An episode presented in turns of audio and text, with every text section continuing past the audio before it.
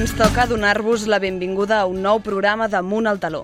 El programa radiofònic que cada setmana us va explicant totes les novetats que hi ha als escenaris de Sabadell i de més enllà. Com heu pogut veure, els carrers de la ciutat ja estan il·luminats amb decoració nadalenca i és que el passat divendres 24 de novembre, coincidint amb el comercial Black Friday, es van obrir els llums de Nadal i es va inaugurar el Nadal a la ciutat de Sabadell de les mans del personatge protagonista d'aquesta època, el famós llaminer. Com l'any passat, a partir del 1 de desembre començarà el calendari d'Advent a la façana de l'Ajuntament i el 27 de desembre començarà l'espectacle Somriu al Nadal, que tant d'èxit va tenir l'any passat.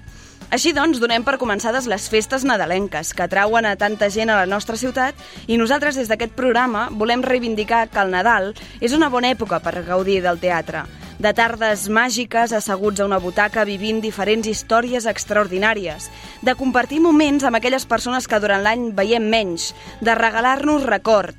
Doncs així regalem cultura i regalem teatre. Abans de començar, però, vull agrair la feina a les persones que han permès que el programa d'avui sigui possible.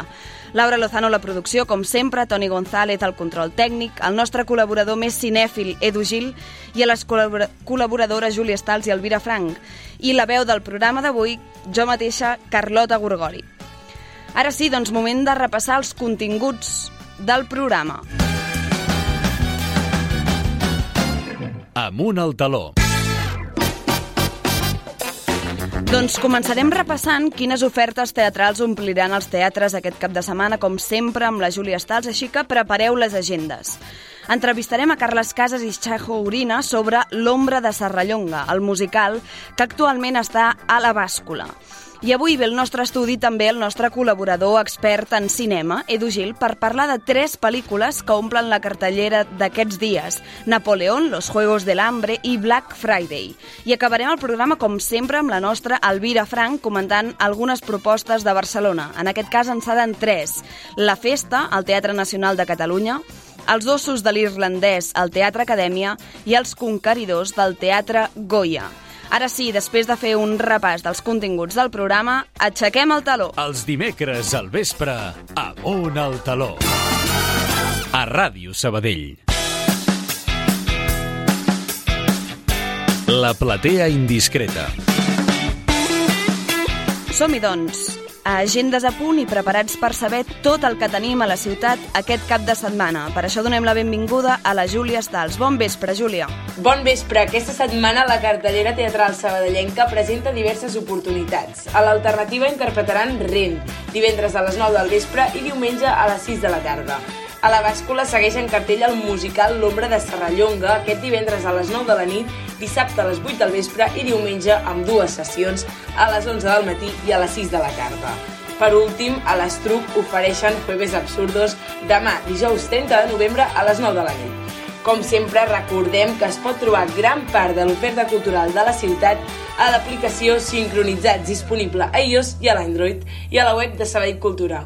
Bona setmana! Moltes gràcies, Júlia, per tenir-nos al dia una setmana més sobre les propostes teatrals que tenim a la ciutat aquest cap de setmana. Fins la setmana que ve.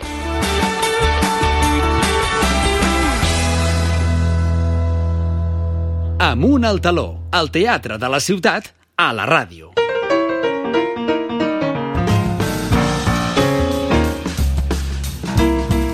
L'entrevista. El passat 10 de novembre la bàscula va estrenar L'ombra d'en Serrallonga, el musical, el qual ha exaurit les entrades per totes les sessions que s'allargaran fins al 17 de desembre. L'ombra de Serrallonga, el musical, és un espectacle que parla sobre la imatge que s'ha anat construint en la tradició popular de Serrallonga al llarg d'aquests 400 anys i que roman avui en dia encara en els nostres imaginaris.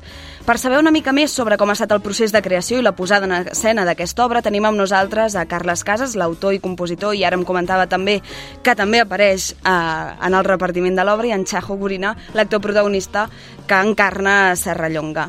Moltes gràcies a tots dos per ser aquí amb nosaltres. Gràcies. Gràcies a vosaltres. Posem-nos una mica en context. L'ombra de Serrallonga, el musical, què ens explicarà? Sí, l'ombra de Serrallonga, eh, el que relata és la lluita d'un home que no es resigna a malviure per les imposicions de l'època. Hem de pensar que és una època que és de principis del segle XVII, quan tres, parts, tres quartes parts de Catalunya aproximadament estaven sota la jurisdicció doncs, dels senyors feudals. I, per tant, qui més qui menys depenia d'un o altre senyor que, el que li pertocava territorialment. I això va fer doncs, que una miqueta ell es veu abocat a infringir la llei per mantenir i protegir la seva família. Eren temps de molta misèria i de malalties en què la gent, doncs, bueno, també necessitava d'un heroi i tot això una miqueta s'explica en aquest musical doncs, bueno, que, que, que encoratjava moltes persones a, quan hi ha un heroi que sorgeix i que comença a actuar, en aquest cas com a bandoler doncs, eh, que per tant vol dir que una miqueta va contra el sistema, doncs això fa doncs, bueno, que també eh, els abusos que es poguessin produir a l'època, que hi eren, per suposar, com totes les èpoques hi ha hagut, uh -huh. doncs, bueno, això els encoratjava també doncs, a prendre algunes decisions per part de la població. Um, com comentàvem també rere micròfons, uh, hi ha un recull, un llibre un recull d'informacions a diferents autors amb el mateix nom, l'ombra d'en Serrallonga. Em comentaves que no tenia res a veure i que te n'havies assabentat fa molt poc de la coincidència. Doncs fa un parell de setmanes que se'm va ocórrer posar a Google l'ombra de Serrallonga, que no l'havia posat perquè tampoc no era el meu objectiu, doncs en aquest cas eh, buscar si això doncs, estava repetit o no, sinó bueno, va ser un títol que es diu, aquest títol després qui pugui venir-lo a veure doncs veurà perquè es diu l'ombra de Serrallonga, que no és tant el voler parlar biogràficament d'en Serrallonga, sinó també del seu entorn que hi havia al voltant d'en Serrallonga, tot i que ell és el protagonista i per tant és l'eix central, diguéssim, de la història, no? Però l'ombra la formen més persones, especialment una, eh? com, com poder parlar més endavant. Però sí, aquest llibre que comentes és un llibre que, pel que he vist, que no me l'he llegit, perquè l'he vist fa un parell de setmanes, és un recull de diferents autors, però no és una novel·la, sinó que són diferents escrits que fan bueno, referència a la vida d'en Serrallonga, als balls d'en Serrallonga i altres aspectes. Eh, D'on sorgeix la història de recuperar bueno, de recuperar, de no recuperar perquè crec que no l'hem hagut de recuperar Serrallonga, però de posar-lo dalt d'un escenari? A mi Serrallonga sempre és un personatge que em havia interessat, ja de molt jove. Jo recordo quan vaig veure la faràndula els joglars que van fer àlies Serrallonga, era l'any 1974, em va impressionar moltíssim. I bueno, em va quedar una miqueta com un, una, història que no és que pensés mai representar-la, però em va quedar dins meu. No? I aleshores, doncs, la meva família és d'Osona, pel cantó de la meva mare, la meva àvia és de Rupit, i el meu avi era de, de Tabertet, i aleshores, bueno, també és una zona doncs, que sempre allà, tot el que és la zona del Parc Natural de les Guilleries, de Coll Sacabra, doncs, uh -huh. Serrallonga és una figura que se'n parlava, que se'n parla, i per tant, bé, tot això va fer que doncs, fa 3-4 anys doncs, comencés a fer doncs, a, a interessar-me, a llegir llibres sobre en Serrallonga, i començar a fer una escaleta pensant que un dia potser faria un musical, però tampoc tenia massa temps per fer-lo. De fet, el musical el vaig començar a fer el juliol de l'any passat. no fa gaires dies. Però sí que hi ha l'escaleta i el que volia que fos fa uns anys que ho estava pensant. I ha arribat el dia que això s'ha fet realitat. Sí, aquí he tingut, primer tinc la sort de buscar aquest temps, ja dic, vaig començar el juliol de l'any passat i jo vaig acabar a finals de, a primers de novembre, el dia del meu sant, el 4 de novembre, i després he tingut la sort del grup de teatre que m'ha permès poder-lo fer, que n'hi ha res més satisfactori que escriure alguna musical en aquest cas, que, bueno, que evidentment és complexa i hi havia moltes coses encara a resoldre, però que el grup confies en mi des del seu director, l'Esteve Gorina inicialment, que és primer qui li vaig presentar, i després tot el grup, que som 13 en total, i que molts ulls clubs van dir l'Esteve ha dit que sí, i també confiem en tu plenament, i per tant, sense haver-lo escoltat, ni haver-lo llegit, eh, van apostar per fer aquest musical, que això que teníem alguna altra opció a fer per aquest any. Vull dir que estic molt content i molt agraït amb tot el grup.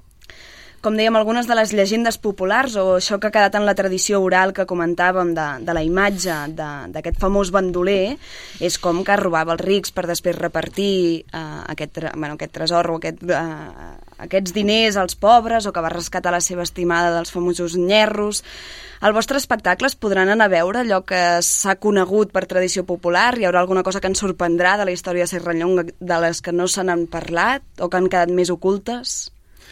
Eh, el que he pretès amb aquest musical, i amb el llibret inicial abans del musical, és que eh, sense pretendre que aquesta és la història més real d'en Serrallonga, perquè no seria veritat, però sí que és veritat que hem, he intentat fugir una miqueta no només de la tradició oral i, i no només del que està escrit, és a dir, intentant buscar un equilibri entre amb dos, que és difícil, eh? perquè s'ha escrit tant i s'han, mm. des del propi romanticisme en el seu moment, que, o, o des de just acabat de morir-se ell, que va començar-se a escriure doncs, eh, una obra de teatre, que era el català Serrallonga i Bandos de, de, de, de Barcelona que, que ja el converteixen en un Don Juan pràcticament, sí. no? com un Don Juan Tenorio però en aquest cas català, no? Hi ha una I... obra que és Don Joan de Serrallonga, crec, Correcte. fins i tot amb la comparació de, del Vic, nom. Víctor Balaguer, Exacte. que va convertir en un patriota i un noble català, etc. ja continuant una miqueta seguint el que havien fet ja molt recentment ja dic de la seva mort, uns quants dramaturgs madrilenys, bueno, i així altres, no? Per tant, bueno, s'ha fet inclús una òpera d'en Joan uh -huh. Serrallonga i s'ha fet alguna pel·lícula. Per tant, vull dir, he, he intentat, en aquest sentit, doncs, eh, sent honest, tinc que dir que s'ha inspirat en fets reals, però sí que he intentat que, que molts aspectes que potser doncs, eh, es podien interpretar d'una forma determinada o que s'han parlat sempre d'una forma determinada, no dic desmitificar-los, però sí intentar-los rebaixar, eh? rebaixar per posar-los, diguéssim, en un nivell més realista, tot, tot i que al final els diàlegs i la història és una ficció, perquè és una ficció el que hem fet, i més una ficció per entretenir. Per tant, tampoc hem pretès que tingui un rigor total històric, uh -huh. però, però sí que en alguns aspectes ens hi costarem força, que això també és lo interessant d'aquest musical. I ara ja, a nivell personal dels dos, um, per què creieu que el que comentàvem, eh, després de 400 anys amb la quantitat de bandolers que han aparegut al llarg de la nostra història, per què Serrallonga continua viu avui en dia en els imaginaris de, de Catalunya? Jo crec que és per la tradició popular. Eh, algú, algú inclús ha arribat a dir que Serrallonga és un nom molt potent i molt, molt, molt però crec que aquest no seria l'únic motiu.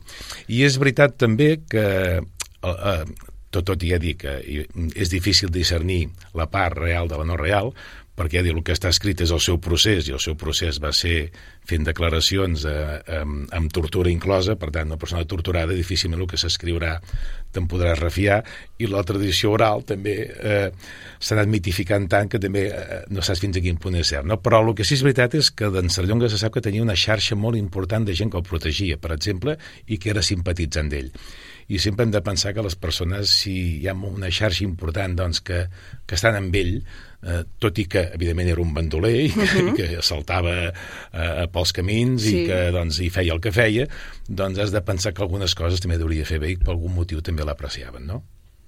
Com ho veus tu, Chajo, que avui dia continuï viva aquesta imatge i, i sí, jo crec que gairebé tinguis l'edat que tinguis, potser ara ja ens trobem en un moment en què potser els més joves no han sentit a parlar de Serrallonga, però igualment és un nom, com dèiem, que que l'ha sentit. No saps ben bé d'on et baixa, però, però hi és. Evidentment, la música ens ha fet molt sobre, sobre Torna, Torna Serrallonga. Jo crec que tots en una època això també ens va fer però sí que és cert que inclús fent l'obra hi ha moments històrics que, que relata aquí, quan el virrei, etc etc, com ens persegueixen i tot això, te, tornes a veure que la història es repeteix, no? Vull dir que estem al segle XXI i allò que veies que passava en aquell moment, pues, segueix passant ara, no?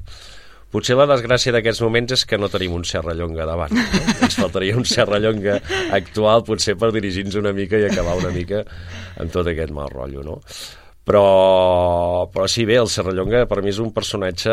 Mm, jo el tracto més no des del punt de vista com com més, més humà, no? és a dir, la part humana, no? perquè a Serrallonga aquí veiem doncs, la part just, uh, justiniano que era no? de, de justícia, però després ell també té una vida bastant dissoluta, sobretot es perd molt entre les dones i, i qualsevol dona, per lo vist que se li acostés, era irresistible. Mm. O així almenys ens ho han ensenyat, no, sí, Carla? Sí, és així. És així. És així. I aleshores altres coses. hi ha aquest paral·lelisme, no? També m'agrada, i no has preguntat, però aquí, dins aquest Serrallonga, i abans ho comentàvem amb el Carles, és a dir, el, ja es diu l'ombra de Serrallonga, per uh -huh. tant, no tot és Serrallonga, sinó que és tot el que passa al seu voltant. I per mi hi ha una part que es destaca, que li deia també avui, que és la part femenina.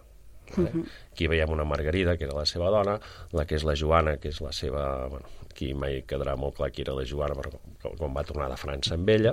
La Tàcia. La Tàcia, uh -huh. uh, surt la baronesa, surt la vescontesa de Joc, la baronesa de Sabassona, Aleshores, totes aquestes persones, és a dir, són nuclis molt importants dins l'obra, i a mi, a mi m'agrada molt aquesta part també, no? aquesta part de, de la part femenina que es destaqui. Una mica, abans ho dèiem, quan Escènics en el seu moment, per exemple, va fer el Hamlet, el Hamlet musical que va fer, és a dir, la figura de Hamlet és la figura de Hamlet, però la, la, el que es destacava més en aquell moment era Ofèlia uh -huh. i, la, i, la, i la reina destacant la part femenina, que mai sempre les parts femenines, com per desgràcia, sobretot en més segles enrere, han quedat desestimades. No? I han quedat en l'ombra d'una figura I aquí una masculina. mica queda més l'ombra al Serrallonga per donar més èmfasi una mica també a aquesta part personal, no, no la part política ni la part ni la part social en el moment. Bueno, social sí, perquè ens passa molta gana, això sí. Um, és un musical, és una obra, és un espectacle de creació pròpia, um, basat, com dèiem, en fets reals i inspirat en, en fets reals. Com ha estat el procés de creació de zero, un full en blanc? Mm. Bé, el de creació és individual. Aquí sí que és un tema que té, té el seu procés. Fas la teva escaleta del que vols fer, després un dia la comences a escriure. Haig de dir que quan t'informes molt, és fàcil després escriure eh, i això ha sigut el que m'ha costat menys, em pensava que em costaria molt, uh -huh. i ha sigut el més fàcil, és com que es prepara un examen i se'l prepara molt, molt, i després a l'hora de posar has, has, has de contestar menys preguntes de les que havies Ara em preparat. sobra informació. Exacte. De fet, m'ha sobrat. Has de pensar que el que representarem és la versió, crec que és la 8 o la 9. És a dir, teníem 100 pàgines escrites, inclús amb més temes, i perquè tingui una durada raonable que no arriba a les dues hores, eh, hem tret un 40% del material que vaig arribar a escriure. Imagina't. Fas com 400 anys després, no? Vull dir que també és, també és difícil escollir el què sí i el què no. Bé, en qualsevol cas, ja dic que inclús per reduir els personatges, som 13 els actors que formem la companyia Teatrum, i tot i així hem de repetir més d'un paper, eh, jo per exemple en faig dos, i, i, i el de Serrallonga l'han deixat que més faci de Serrallonga, sí. però inclús papers femenins han de fer masculins. Uh -huh. Masculins femenins no ens ha passat perquè hi ha una noia més que home eh, en el nostre grup, i bueno, aquest procés és un procés individual que, que és molt laboriós, evidentment, però bueno, un cop vaig acabar, que dic, va ser el 4 de novembre de l'any passat, hi ha hagut un altre procés important també, que és el de producció uh -huh. eh? I, el de, i el de treballar l'obra, que m'he dit, perquè si dic que hem fet vuit versions, clar, clar. doncs ja et diu que l'hem treballat molt amb l'Esteve, per, amb l'Esteve Gorina, per intentar arribar a que, que tingués un format teatral i de musical i, i que l'espectador pogués seguir, doncs, diguéssim, de forma... O sigui, un espectacle té que distreure. I tant. A més a més d'informar, i, i a més a més pensem, si és possible i ho aconseguim, que desperti l'interès, no? I, I aquesta època estem parlant de, de que agafa... Pensem que la història són 15 anys que expliquem, des del 1618, que és quan es casa, comença amb un casament, bueno, no comença amb un casament, però representa que comença amb sí. un casament, ja veureu els que la podeu veure, i acaba, evidentment, perquè això acaba malament, eh? acaba 1633, o 1634, que és quan el pelen, que és el 8, el 8 de gener de 1634. I aquests 15 anys hem pretès doncs, que s'entengui el context històric que hi és i si desperta un interès del que va ser la primera meitat del segle XVII pensant que molt millor perquè ni, ta, ni Espanya ni Catalunya van ser el que eren a partir d'aquella data, per tant és interessant eh? els canvis que es van produir tant políticament com territorialment amb dos van canviar molt doncs, i tot això surt en el musical però evidentment, com que ha de ser un espectacle i ha de distreure, oh. és unes pinzellades que serveixen per referenciar-ho però a la vegada també per, per, per, perquè ens hem de distreure i hem de buscar un temps que hi ha molta música en aquest musical, no sé si hi ha 20, 18 temes quasi bé, sí. tenim diferents dintre de diferents llargaris eh? Mm -hmm. tots són però, temes sencers, sinó que però és molt cantat i, i és bastant parlat vull dir, té, té les dues vessants vull dir que no ha sigut gens fàcil fer la producció que aquí també ens han ajudat doncs en Guillem Galofré el Frederic Uller que és qui ens ha ordenat totes les cançons que sí, sí, li vas passar tot el material. L'home, realment també al·lucinava diu, tot això has pogut fer, però ara em toca a mi fer una feina que ha fet molt bona feina tinc que dir que Frederic Uller que ha portat la direcció musical, n'estic encantat, n'estem tots encantats, molt, molt. molt bona feina, i en Guillem Galofré, que és el que ens l'ha produït perquè la poguéssim... Amb els arranjaments, diguem, amb els arranjaments que ha posat, també ha col·laborat amb Miquel Felip en el violoncel, i bueno, s'ha fet una producció molt, molt, molt endreçada i molt, bueno, per mi molt maca, a més a, a més. A més, amb una dificultat molt gran perquè, clar, aquí passen moltes coses a molts llocs diferents. I, clar, uh -huh. Un teatre ens limita. Clar. Aquí no estem dient que hi ha tres, tres, tres espais diferents, sinó que cada moment és un espai, una cova, un camp, una casa, les Corts, la casa de la Sabassona... És a dir, passa a mil llocs, no? I aquestes, les gràcies, i a vegades les, les generalitats, en aquest cas doncs, de l'Esteve, de poder, de, de, que ell el primer dia s'imagina com ho farà, que nosaltres oi, mai... No ho entenem mai. ens no entenem i, mai. Bueno, si dius això, doncs vale, no? i a l'últim moment ho veus, no? I realment aconsegueix, vull dir, aconsegueix eh, com Passar en quatre aquests plafons passar per tot arreu. Per quatre, per tot arreu. I Chajo, com és eh, plantar-te davant d'un- espectacle, d'un muntatge que és de creació? També ho parlàvem una mica rere micròfons. Al al final, quan recuperes un text ja creat, vulguis o no, potser un avantatge és que tens una imatge, però que et pot jugar en contra a la vegada, ja tenir-ne una referència. Què és el què, te, què triaries, què escolliries com a avantatge de, de treballar en un espectacle de creació pròpia? Bé, aquí perquè no tens, no tens cap lloc on mirar, no? Per tant, depèn només únicament de tu i de que el director et marqui més o menys cap a quina banda, cap a una altra, no? Aquesta, per mi, és la gran avantatge de la creació pròpia, perquè si, si ara posem el cas, doncs fem, no sé, per dir alguna cosa, Miss Saigon o fem Gris, no? Uh, hòstia, sempre veuràs altra volta, sempre tindràs a qui mirallar-te i sempre tindràs amb qui, Amb qui et- comparar-te, qui et no? compararan, no? I aquí no hi ha comparatiu, fins que hi hagi un altre senyor, un altre grup que decideixi fer aquesta obra, no? Aquest és el primer repte. Després, la història del personatge per a mi és, és superguapo, un personatge català, bandoler, tot això, hòstia, a mi la història del Serrallonga a mi m'apassiona molt tota aquesta època, no?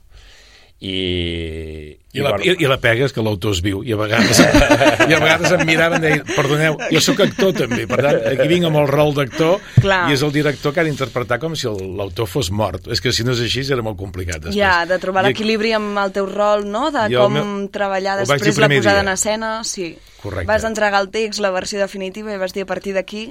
Només en comptades ocasions que m'han preguntat quan estàvem tots junts he contestat perquè "Vita, haig de dir-ho perquè si no els hi falta aquest referent. Però si no jo he fet d'autor mort i per tant jo només he fet d'actor. Només hi ha una cosa molt bona, perquè vas hem comentat inclús tu i jo, en els diàlegs, quan es parla, en els diàlegs que tenim, hòstia, la- l'escriptura és molt lògica. És a dir, tot... És a vegades com a actor, és a dir, segons què has d'estudiar, hòstia, és molt, com, molt complicat eh, interioritzar-ho, no? Però aquí, inclús a vegades, et, et fa la pregunta i et surt la resposta, no? Sobretot jo que tenim doncs, un dels seus personatges que l'acabo liquidant, doncs, Un dels doncs, molts... és, és, un, és, un, és un enfrontament molt guapo, molt guapo. A mi m'agrada perquè, a més a més, el que li dic et sortiria, ja et sortiria. I això sí que és gràcies a ell. Vull dir que això sí que... Suposo que això ha ajudat a la creació Molt. del personatge, Molt, no? De, de molt. trobar aquesta coherència entre el que està escrit amb el que la intenció del personatge, la història que porta, Molt. que porta darrere. Com ha estat, com valoraries aquesta experiència d'encarnar Serra Llonga? Hòstia, per mi és una responsabilitat molt gran, no? A vegades dius, tots quan fem teatre, jo l'autor sempre l'admiro i aleshores dius, hosti, bueno, però tu pots dir al Shakespeare, mira, pobret, en pau descansi, no? Però que el Carles està al costat, no? I per altra banda, per mi és un honor, per mi és un honor, no? I, i inclús abans, com deia ell, el grup va decidir fer això, home, evidentment, no? Si tenim dins el grup una persona que produeix i autoprodueix, però hòstia, és fantàstic, no, això? Això una mica és com passa amb altres grups teatrals d'aquestes ciutats, que és l'autoproducció. Per mi l'autoproducció és fantàstica, perquè té molt més risc, no hi ha qui comparar, però bueno, hi ha una part creativa molt més gran que no pot haver-hi en una altra, no? Potser abans parlàvem de pastorets, però abans, Sí. abans hauria d'aparèixer uns pastorets revolucionaris, uns pastorets diferents, algo... Bueno, saps? a, a, Pineda de Mar diria que fan uns pastorets musicals. Sí, sí, sí, molt de, o sigui, completament diferents, eh? Però ja és com, bueno, una, Exacte. una creació gairebé pròpia de, no, i de basada en alguna aquesta cosa. ciutat també n'hi hauran, però vull dir que una mica ja anem, ja anem Sí. evolucionant en aquest sentit, si no ens quedaríem molt encasillats, no? I aquí m'ha anat molt bé, doncs, al seu moment, a part de documentar-me, també hi havia, doncs, la sèrie de... els dos capítols que va fer, la pel·lícula sèrie que va fer l'Esteve Rovira, que a mi també Mhm. m'ha anat molt bé a poder veure que a més amb el, el cine permet això, no? que el cine sí que et trasllada d'un lloc a l'altre. Clar. No? I, i també m'ha anat molt bé per, per fer-ho, però per mi ha sigut un honor fer un personatge així, una història així. Heu exaurit totes les entrades per totes les sessions. Sí. Com us fa sentir això? bé, això és una molta satisfacció Ara perquè... don, dona així que sempre sembla que anem de xulos, no. Mm. Però és, ja és una cosa que d'aquest, durant aquests 10 anys ve passant cada, tots els 10 anys. Sí, som 13 persones, movem molta gent, sobretot eh, ells. Dins d'aquest grup hi ha un grup de molt bons amics i això mou una quantitat de personal que dius és increïble és increïble, és que a vegades segons qui no té, ja, inclús jo, jo a vegades no he trobat entrades per mi germana perquè ja, ja ho tenim tot Ja està, ja està tot no? ple. I la veritat és que no ens queden més dies. No, No, no tenim més dies perquè ja ve les funcions de Nadal i el Sí. teatre ja està ocupat. Però bé, sí, Sí, bueno, eh, al final el teatre també una de les coses que té màgiques penso que és això, eh? Que les coses és efímer, és ara, sí. és el moment. Sí. Si fos etern, crec que perdria una mica la màgia del teatre. Exacte. Es Llavors, convertiria en al final s'ha de treballar amb això, no? sí, sí, sí, això. és així. És així. Doncs moltíssimes gràcies per ser aquí al Gràcies programa parlant de, del vostre espectacle i que almenys aquestes funcions siguin un èxit, que ja ho seran perquè amb butaques plenes. No, i tant, i tant. Si ens Doncs a esperem. vosaltres per haver-nos convidat. per Que vagi molt bé. Molt bé, Fins gràcies. aviat. Vinga, Gràcies, adéu. fins aviat. Amunt al taló.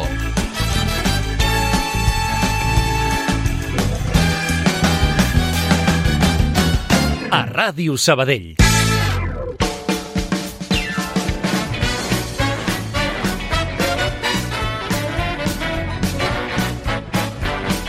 La gran pantalla. Doncs aquesta setmana, a més d'hora que normalment d'altres d'altres dies, tornem a tenir nosaltres el nostre col·laborador Edu Gil perquè ens parli de les últimes estrenes de la cartellera cinematogràfica i ens en pugui fer algunes recomanacions. Què tal, Edu? Molt bé, encantat de ser aquí una altra vegada, tan aviat. Sí, perquè a diferència de la cartellera teatral de la ciutat que encara no, se, no es mou, suposo que s'està esperant el Nadal, la del cinema és veritat que no para, un avantatge. Totalment, és que havíem de parlar de pel·lícules com Napoleón i... I ja tocava. Està. Tocava, tocava. Tocava, tocava. doncs ja hi som. Parlaràs de tres pel·lícules. Exacte. Doncs va, per quina comencem? Comencem, va, perquè acaba de passar el Black Friday i comentem-la, va. Vale. Doncs Black Friday, dirigida per Eli Roth i protagonitzada pel conegut actor Patrick Dempsey, segurament popularment per Anatomia de Grey després de moltes temporades, suposo que és una cara que tenim associada a aquesta sèrie, és la història d'un assassí que porta el terror a Plymouth, un poble de Massachusetts. Escoltem un trosset del, del tràiler. Me encantaba esta ciudad. Hasta lo que ocurrió en Black Friday.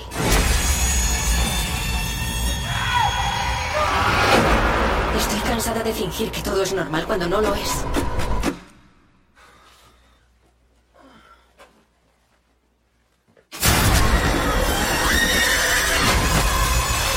Què tal? Un Black Friday segurament diferent al que hem viscut tots. No, totalment. He de dir abans de començar que aquí s'ha dit Black Friday perquè ah, és, és, és el conegut i també a la trama comença amb un Black Friday. Però la pel·lícula origi el títol original és Thanksgiving, Acció de Gràcies, i fa referència a la festivitat que fan als Estats Units. Jo suposo que per aquí, com que aquí no, no és famós, és més famós el, el Black Friday. I per Llavors això ja s'ha quedat aquest títol. Totalment. Uh, la veritat és que m'ho vaig passar molt bé. És a dir, ja, sabia, ja saps el que vas. De fet, és, um, si, si veus el tràiler o una mica l'argument, recorda una mica Scream, uh, sobretot amb el tema de, de l'argument o com, com va apareixent els, els morts, però la veritat és que he que és una adaptació, aquesta pel·lícula, d'un curtmetratge que es va fer el 2007 per al mateix Eli Roth, que fer un homenatge a les pel·lícules dels anys 70 que eren slashers, que, um, que havia, bueno, un homenatge um, a la noche de Halloween o Viernes 13, una mica, i ara, després de tants anys, ha volgut fer la seva versió cinematogràfica, no exactament igual, però ha agafat referències d'aquell curtmetratge. I, I la veritat és que mm, jo ho vaig passar molt bé, sí, és a dir, pels fanàtics de, de terror o dels slashers, de pel·lícules que això van matant un per un, jo crec que és for, força divertida. Llàstima al final, que potser, o t'esperes potser el dolent no és tanta sorpresa, i després comences a pensar, dius, mm, bueno, comencen a haver una mica de forats de guió, però bueno, al final t'és igual, vas a, saps a lo que vas, i, i clar, i agraeixes també que hi hagi bastant sang i fetge. No sé si... Per tant, tothom... hem de saber què anem, com Exacte, tu deies, eh? totalment. Que, que la gent s'hi va, que s'esperi sang i fetge. I ja parlarem de les altres dues pel·lícules, però hi han crítiques més oposades, però aquesta jo també pel que he anat veient és com una crítica bastant conjunta, una bona crítica, tampoc mm, res de l'altre món, però deien que era una, una pel·lícula que convencia l'espectador Sí, que totalment. esperava aquesta pel·lícula. Sí, perquè al final um, és això, a partir d'una idea d'un curtmetratge que no, no tenia cap argument, inventar-se aquest argument arrel del Black Friday em va, semblar, em va semblat intel·ligent, perquè al final és un motiu. És a dir, és bastant convincent. Moltes, moltes pel·lícules de terror últimament, no sé què passa, que fan, fan arguments no, no massa atractius o no s'esforcen massa en pensar-hi. En aquesta, al final, doncs és entretingut, tu creus una mica i, i està bé. El que passa que després hi ha alguns personatges que no, no porten massa, però bueno, Això ja passa això ja passa. Ja... a tot arreu. Doncs anem cap a la segona pel·lícula, amb polèmica abans d'estrenar, ja només per l'avançament del tràiler, que és Napoleón. Dirigida i produïda per Ridley Scott, es basa en la història de Napoleó Bonaparte, descrivint principalment l'ascens al poder del líder francès, així com la relació amb l'emperatriu Josefina. La pel·lícula està protagonitzada per Joaquín Phoenix com a Napoleó i Vanessa Kirby com a Josefina. Escoltem-ne el tràiler. General, nos han descubierto. Bien. Esperad. ¡Hielo! ¡Es una trampa! ¡Retirada!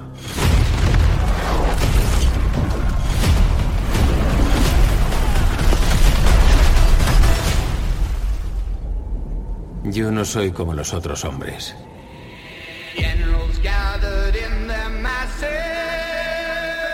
¡Fuera de aquí! Los que ostentan el poder solo me ven como un bruto, indigno de un alto cargo. Doncs som-hi, una pel·lícula ben polèmica, ja ho dèiem, abans d'estrenar-se. Bueno, suposo també perquè era molt esperada, sobretot pel personatge que rodeja i pels actors i, i qui estava darrere. Perquè sobretot era el retrobament de Joaquin Phoenix amb Ridley Scott després de Gladiator i clar, i després d'haver fet Joker i Ridley Scott després de fer Gladiator també, doncs les expectatives eren bastant altes, sobretot un personatge tan conegut com Napoleón. Jo crec que aquest és, és el desavantatge de la pel·lícula, és les expectatives i sobretot també el personatge, perquè al final és un personatge amb molt recorregut, molt gran, que no et dona per una pel·lícula de dues hores i mitja. Et dona per una sèrie de 10 hores tranquil·lament, o dues temporades, si m'apures. I jo crec que és aquest el seu problema. Uh, però bueno, tot i així estic esperant la versió, mm, que no sé si ho saps, Carlota, però en teoria la producció és d'Apple Plus Vale? I el director ha dit que farà que d'aquí poc trauran una versió de 4 hores seva uh, allà a la plataforma. I ara en cinemes estrena una versió més reduïda per, per tema comercial. Vale. Um, el que passa que, com parlàvem, una pel·lícula polèmica, però en aquest cas no entre els crítics de cinema, sinó entre els historiadors. Totalment. Però a part també la, ara la crítica s'hi ha afegit, eh? Va, ara, Molts... clar, ara ja sí, ens, home, al final també és, les crítiques sempre ho diem. Per bé o per mal fan que es parli de la pel·lícula. És que és I el que- tothom en vol parlar. No, no, totalment. És que clar, ja quan va sortir el tràiler i, i, i es veia com bombardejava piràmides, la gent, clar, els historiadors posaven les mans al cap i què, què està passant? I, vull dir... No, i al final, clar, és, és un debat i és una polèmica que s'està obrint perquè al final um, molta gent diu um, clar, la gent que no sàpiga Napoleó pensarà que això és veritat i, i, i clar, no, no podem enganyar la gent però bueno, i, ell, i el director doncs respecte a això ha sigut bastant Sí, una de les frases, la seva resposta és és una absoluta gilipollez. Correcte, ha sigut una mica gruller uh, amb tot això, però clar, un senyor ja de 85 anys, ja que li és igual una mica tot. Um, ha dirigit no sé quantes pel·lícules, ja els últims 4 anys n'ha dirigit 4, és a dir, ja li és absolutament tot igual. I què passa? Pues, entenc el debat, entenc els historiadors que, que es posin en contra, perquè al final si, ho fa, si tens material, fes-ho bé, però jo crec que no, no és un problema de, la, la pel·lícula el problema que té no és de- d'exactitud o és, és, és un problema sobretot de, de descompensació, és a dir, que en, hi ha com dues pel·lícules paral·leles que van avançant i, i clar, i es queda al final com, com estrany, és a dir, hi ha com la part bèl·lica que està excel·lentment rodada, és a dir, ja només per això ja val la pena, Mhm. jo crec que per mi ja la prova només per les escenes bèl·liques, són espectaculars, i després hi ha la història, la relació complexa entre ell i la, i la Josefina, que, que ho fa com a part, i, i és com si um, es volguessin ajuntar però no s'acabessin. D'ajuntar. Jo crec que és a, a part culpa del muntatge de fer-ho tan curt. Clar. I clar, i això es nota, jo crec que és el, el problema de la pel·lícula realment. Perquè, clar, si l'intentes seguir, et vas perdent, vas dient, ui, això m'estàs anant molt lent en una part, però després en una altra, massa ràpid. I clar, i, i I descompensa. falta el vincle no? entre la part més personal del personatge i la part política bèl·lica. Exacte, hi ha descompensació, és a dir, el, la tria de, de coses que m'ensenyen potser jo crec que està malament. Bueno, jo i Ja tothom. veurem a veure amb la, Amb la amb la versió- versió llarga Ah, si acabem de trobar No, totalment. aquests, aquests vincles. Però- doncs ne... digues, digues. Però no, no, tot i així jo l'aprovo, jo li poso un 6 a l'espera del muntatge de 4 hores, a veure si arriba al 7. Vale, no, no hem puntuat Black Friday. Ah, també li fiquem un 6. No li També fic- un 6. Sí, sí, sí, un 6. Anem d'aprovats, eh? Anem d'aprovats aquest final de trimestre i ja veurem com ens en sortim. Doncs anem a la última, una altra pel·lícula ben esperada, segurament per molts seguidors de, de la saga, Los Juegos del Hambre, balada de pájaros, cantores i serpientes. Ens fa, és una pel·lícula que ens fa retrocedir diverses dècades abans del començament de les aventures del personatge principal de la saga que nosaltres hem conegut recentment com a Katniss Everdeen, i en aquesta pel·lícula coneixerem la vida anterior del jove Coriolan Coriolanus Snow. Escoltem-ne el tràiler. Señor Snow, con todo lo que ha visto ahí fuera,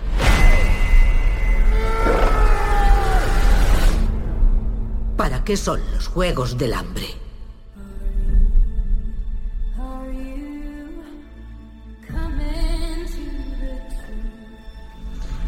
Com ho veus tu?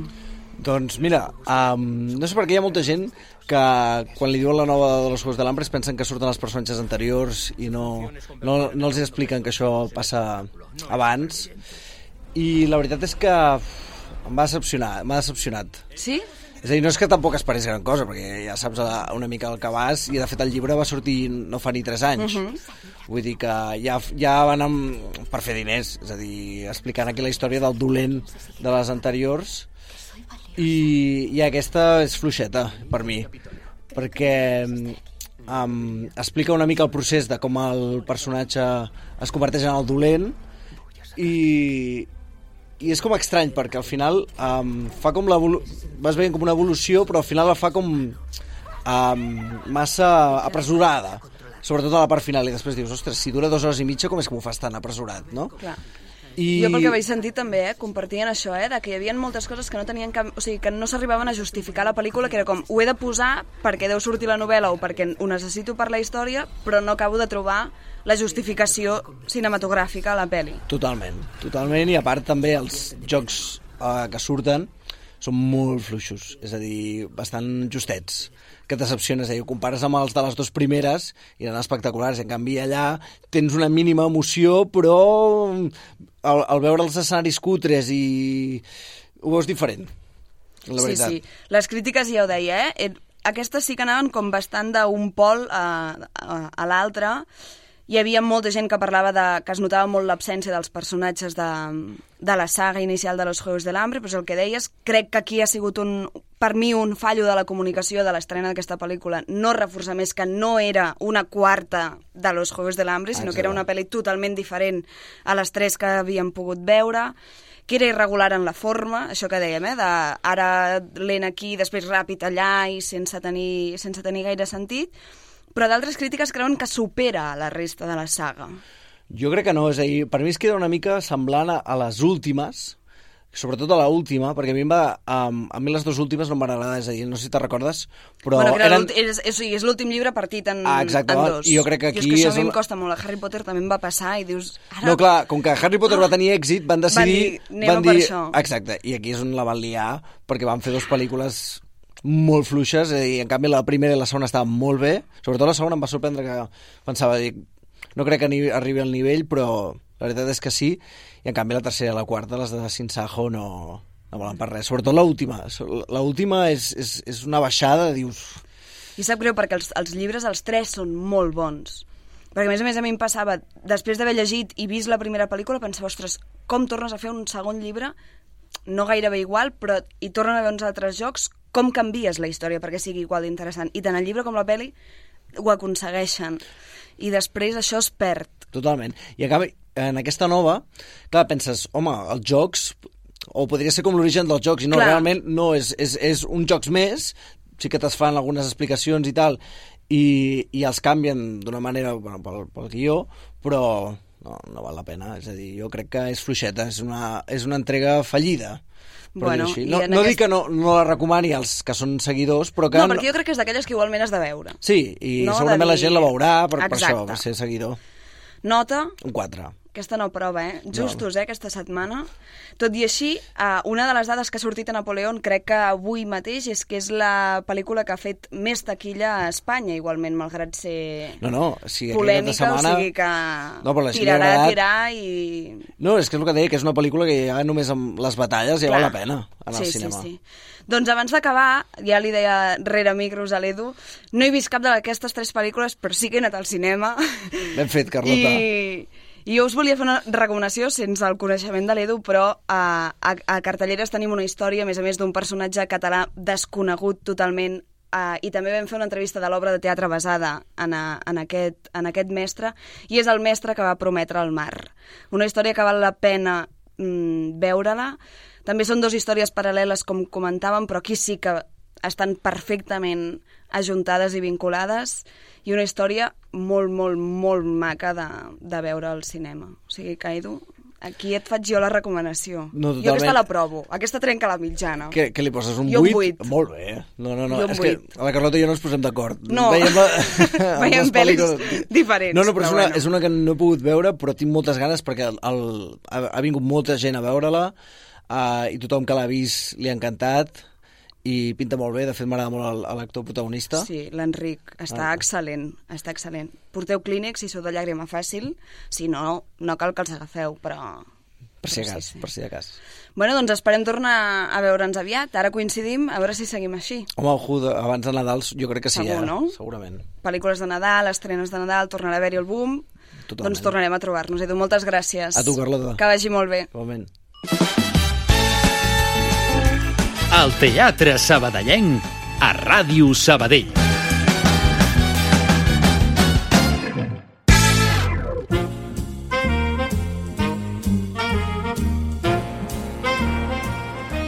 Teatre de Franc.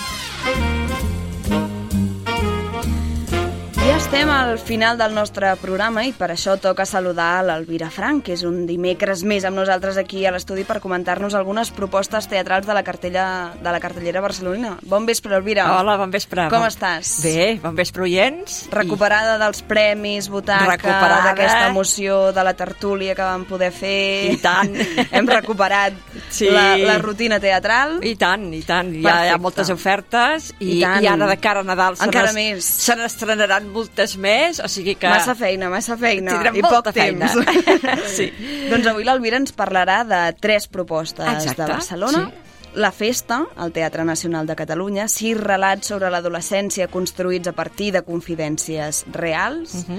Els ossos de l'irlandès, al Teatre Acadèmia, una comèdia que s'emmiralla amb les dramatúrgies que centren l'acció al món rural. Mhm. I finalment Els conqueridors, Exacte. al Teatre Goya, l'última última comèdia de de Ramon Madaula, Madaula. la història d'un rodatge esbojarrat sobre la història de Jaume I. Exacte. Doncs som-hi, amb quina comencem, Elvira? Comencem per l'espujarrada, que deies Doncs tu. som-hi.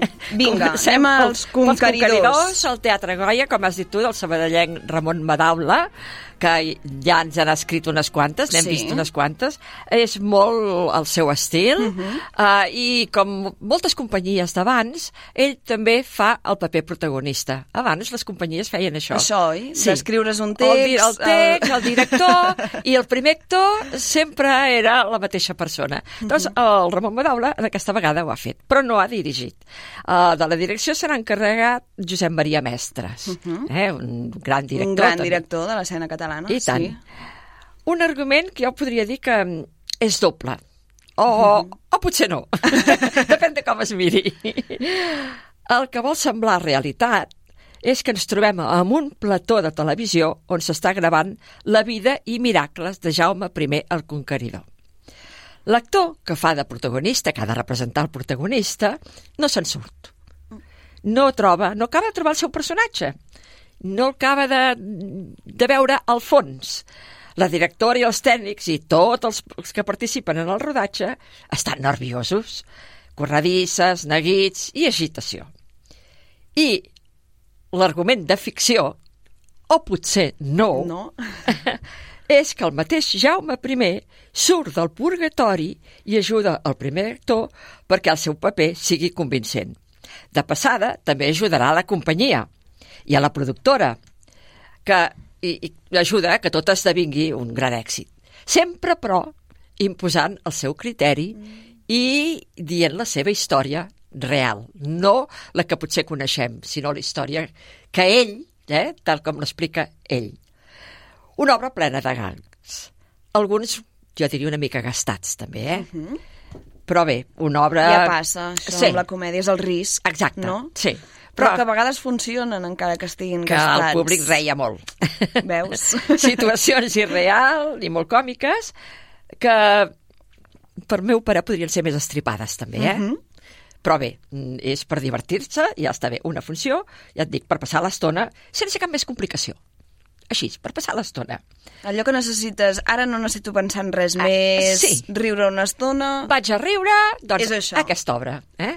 Molt bones interpretacions de tot, sobretot del Xavier Bertran, que interpreta diversos personatges, cada un amb un nivell còmic i esbojarrat que destaca amb les altres interpretacions que potser són més planes. Uh -huh. El Roger Coma, que tots coneixem, el Moja Amazain, la Tilda Espluga, la Mònica Grancel, la Vanessa Segura i el que he dit, el Ramon Madaula, que fa de Jaume I, Primer. precisament, amb un català d'aquells antics, molt divertit. Uh, un escenari com els que es fan ara, buit i sense cap mena d'ornamentació. I, seguint també la moda actual, alguns moments que els actors involucren el públic en l'argument. Uh -huh. Són tendències, i ara Exacte, toca aquesta. i si funcionen ens hi hem d'agafar. Exacte. Perquè, segons sabem, entre nosaltres sempre hi haurà conqueridors. I també conquerits. La història i el present ho confirmen cada dia. Si voleu ser conquerits i passar una bona estona amb un somriure o riure si sou de riure fàcil, aquesta proposta escènica us agradarà. Però, tal com diuen els seus creadors, no hi busqueu res més, el que dèiem abans, eh? No hi busqueu res més. Una obra ideal per veure després d'un tec d'aquests de Nadal, que Exacte. ara s'acosten, saps? Una, una bona manera d'acabar aquelles converses profundes que es creen a les taules de Nadal, no. No. Necessitem coses disteses, Riure, no? sí. Riure, passar-nos que n'has bé... fet un bon dinar, dius, doncs ara anem a divertir-nos una estona que va de fer la festa alegre. Molt doncs bé. aquesta és ideal. I les pot veure fins al 7 de gener, o sigui Per que tant, totes les festes estaran cartell. Disponible al Teatre Goya. Exacte. Perfecte, doncs Elvira, amb què continuem? Continuem amb la festa? Amb la festa, La festa. del Teatre Nacional de Catalunya. Això, a la sala Tallers. Som-hi. A la sala Tallers del Teatre Nacional. Un text de Daniela Freixas basat en escrits i converses que la dramaturga ha mantingut amb adolescents sobre el tema de la sexualitat. Preguntes, respostes i confessions de relacions sexuals, de les primeres experiències amoroses i de les frustracions que poden haver patit els nostres joves, els nostres adolescents. També es parla dels primers descobriments de pornografia, de confusions primerenques, moments de re relacions tòxiques i abusos i del descobriment o acceptació o rebuig de l'homosexualitat. Tots aquests temes. Déu-n'hi-do. Sí, tots aquests temes. Quatre nois i dues noies són els protagonistes, uh -huh. que expliquen les seves experiències, però ho fan de manera poc convencional, potser per posar una distància amb les seves confessions. En entrar a la sala es dona a cada espectador un auricular que serà per on s'escoltarà cada relat. Sí, és, és innovador també això, eh? I dona tot plegat un to poc confidencial, diria jo, perquè els sents a través del micròfon. Val. Llavors, mm, ja suposo que és volgut, eh?, que, que no sigui tan confidencial. El llenguatge també és simple i planer, amb frases i conceptes repetitius que no deixen cap marge a l'espectador d'imaginar ni de, suspendre, de sorprendre's. Saps? Val. Expliquen tal com ells mm, han viscut aquelles experiències planament, tal com era. També la música, sorollosa, animarà el jovent de l'escenari a ballar. Hi ha molta música i molt ball. Filmacions de primers plans i altres més genèrics i, i aquesta música que et deia de discoteca i una vestimenta molt actual. Tot un conjunt de situacions que, segons com, costa empatitzar per la barrera aquesta electrònica que, ja et dic, volgudament s'ha creat. Fins a arribar a un final, primer amb micròfon en mà i més tard amb els personatges que es barregen entre el públic preguntant directament als espectadors sobre les qüestions que s'han parlat. Els temes que es parlen són prou coneguts de tots siguin pels mitjans de divulgació o per les converses entre el col·lectiu adolescent, aquestes converses que ells tenen, eh? Tots ho sabem tot i no es revela res de nou. Només que tot plegat es converteix en una festa, tal com diu el títol. Aquesta festa plena de lluentons que exhibeixen les actrius i els actors en acabar la representació. Potser, potser, per tapar el fons de les qüestions. A vegades, no? Sí, perquè... S'aparenta molta música, molt Exacte. ball, per no acabar de, de bueno, dir... i a vegades potser ara, ara hi pensava, no sé si hi ha alguna referència a això o no, però com es tapa a vegades o com es justifica aquestes situacions amb la festa, no? amb aquesta situació, amb aquest comportament més esbojarrat que sempre posem als adolescents, no? d'això de és que tens ganes de festa sempre, és que sempre ho vius tot amb eufòria, Sí.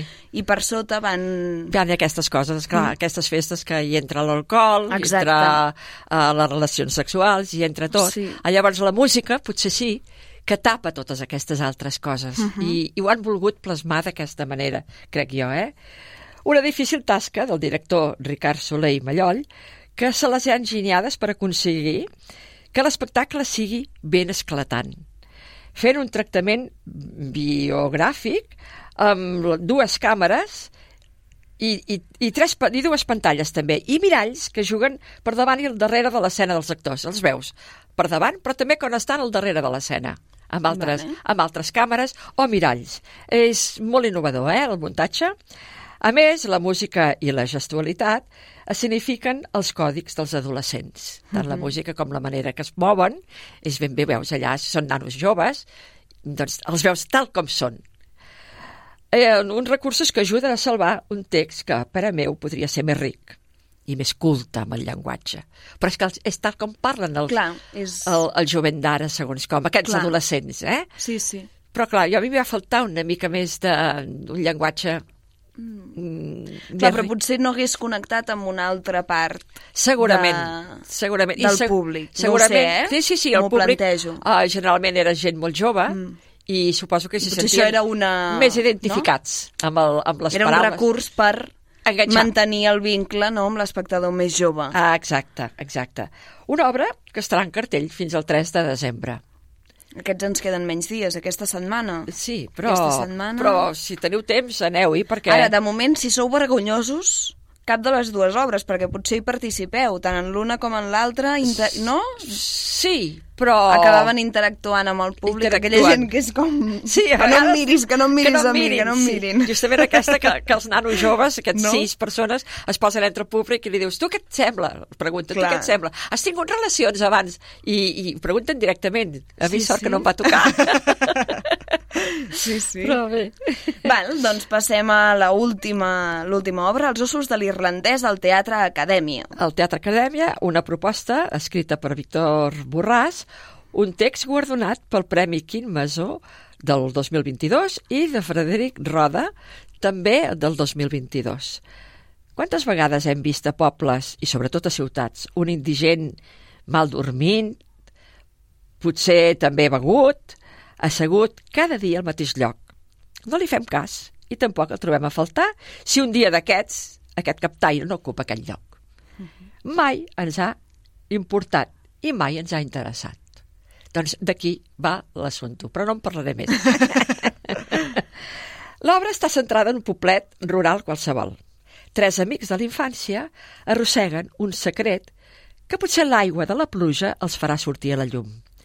Tres antiherois que han de tirar endavant en, en aquest poble que mai hi plou i quan plou fa mal. Eh? Aquí està. Aquella pluja que... Sí. tan esperada, però que després... Aquestes tempestes que venen de sobte i que porten males conseqüències. Les males conseqüències... Naturals i a vegades personals. I tant. Oi? Sí, sí, sí. Aquest és el cas d'aquests xicots. Una obra que parla de l'amistat, una amistat que inclou gelosies, mal rotllos, alguna bralla, però per sobre de tot un secret que els uneix. Amb paraules rudes, renecs i molta cervesa. Una cervesa d'una qualitat extrema.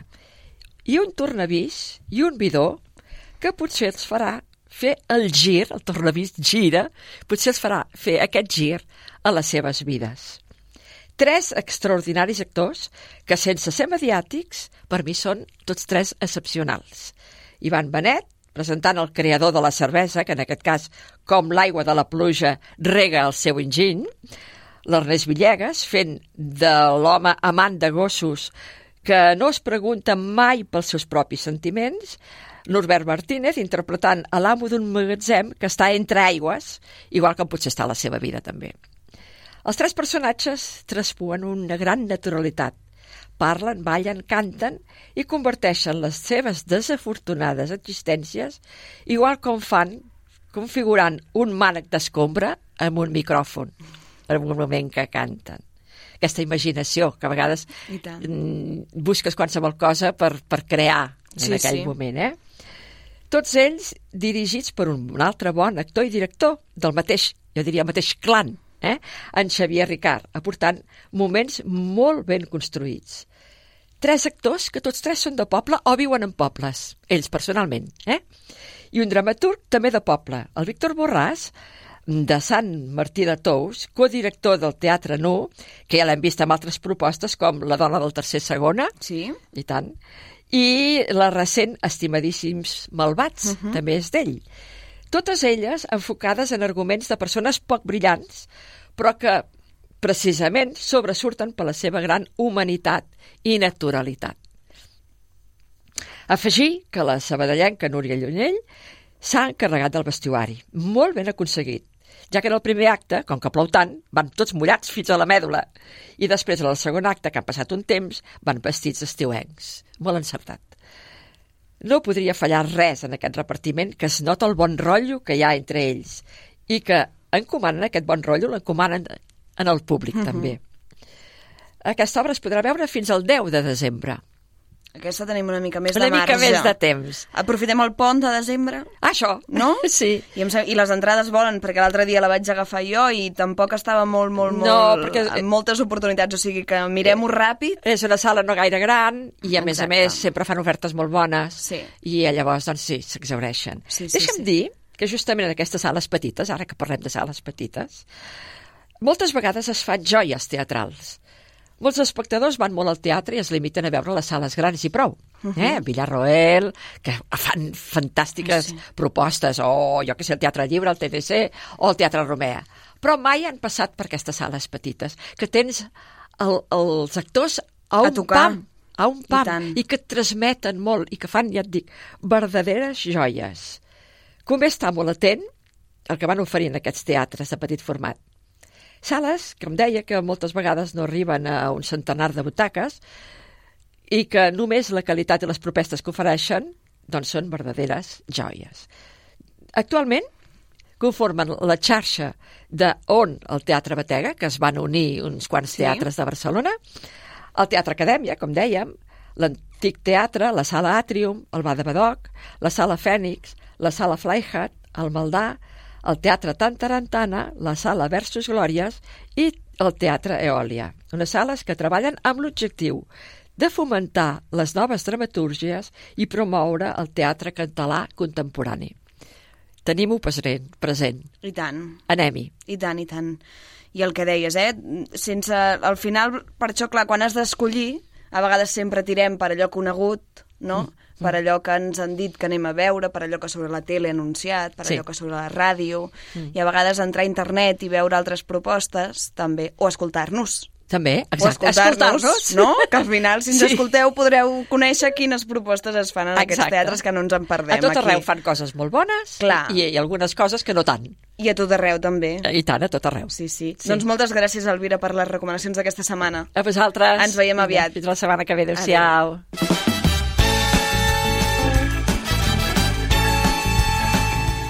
I aquí finalitzem l'Amunt al taló d'avui, d'aquesta setmana. Us recordem que podeu recuperar tots els nostres programes a Spotify. Només cal que busqueu Amunt al taló al cercador i trobareu els nostres podcasts. Rescateu també aquest programa i tots els anteriors al web de Ràdio Sabadell. No us perdeu les novetats a les nostres xarxes socials, a Instagram, arroba amuntaltaló.està i també a Facebook. Tornem la setmana vinent per seguir parlant de teatre local i de tot allò que passa als nostres escenaris. Gràcies per escoltar-nos. Amunt al taló.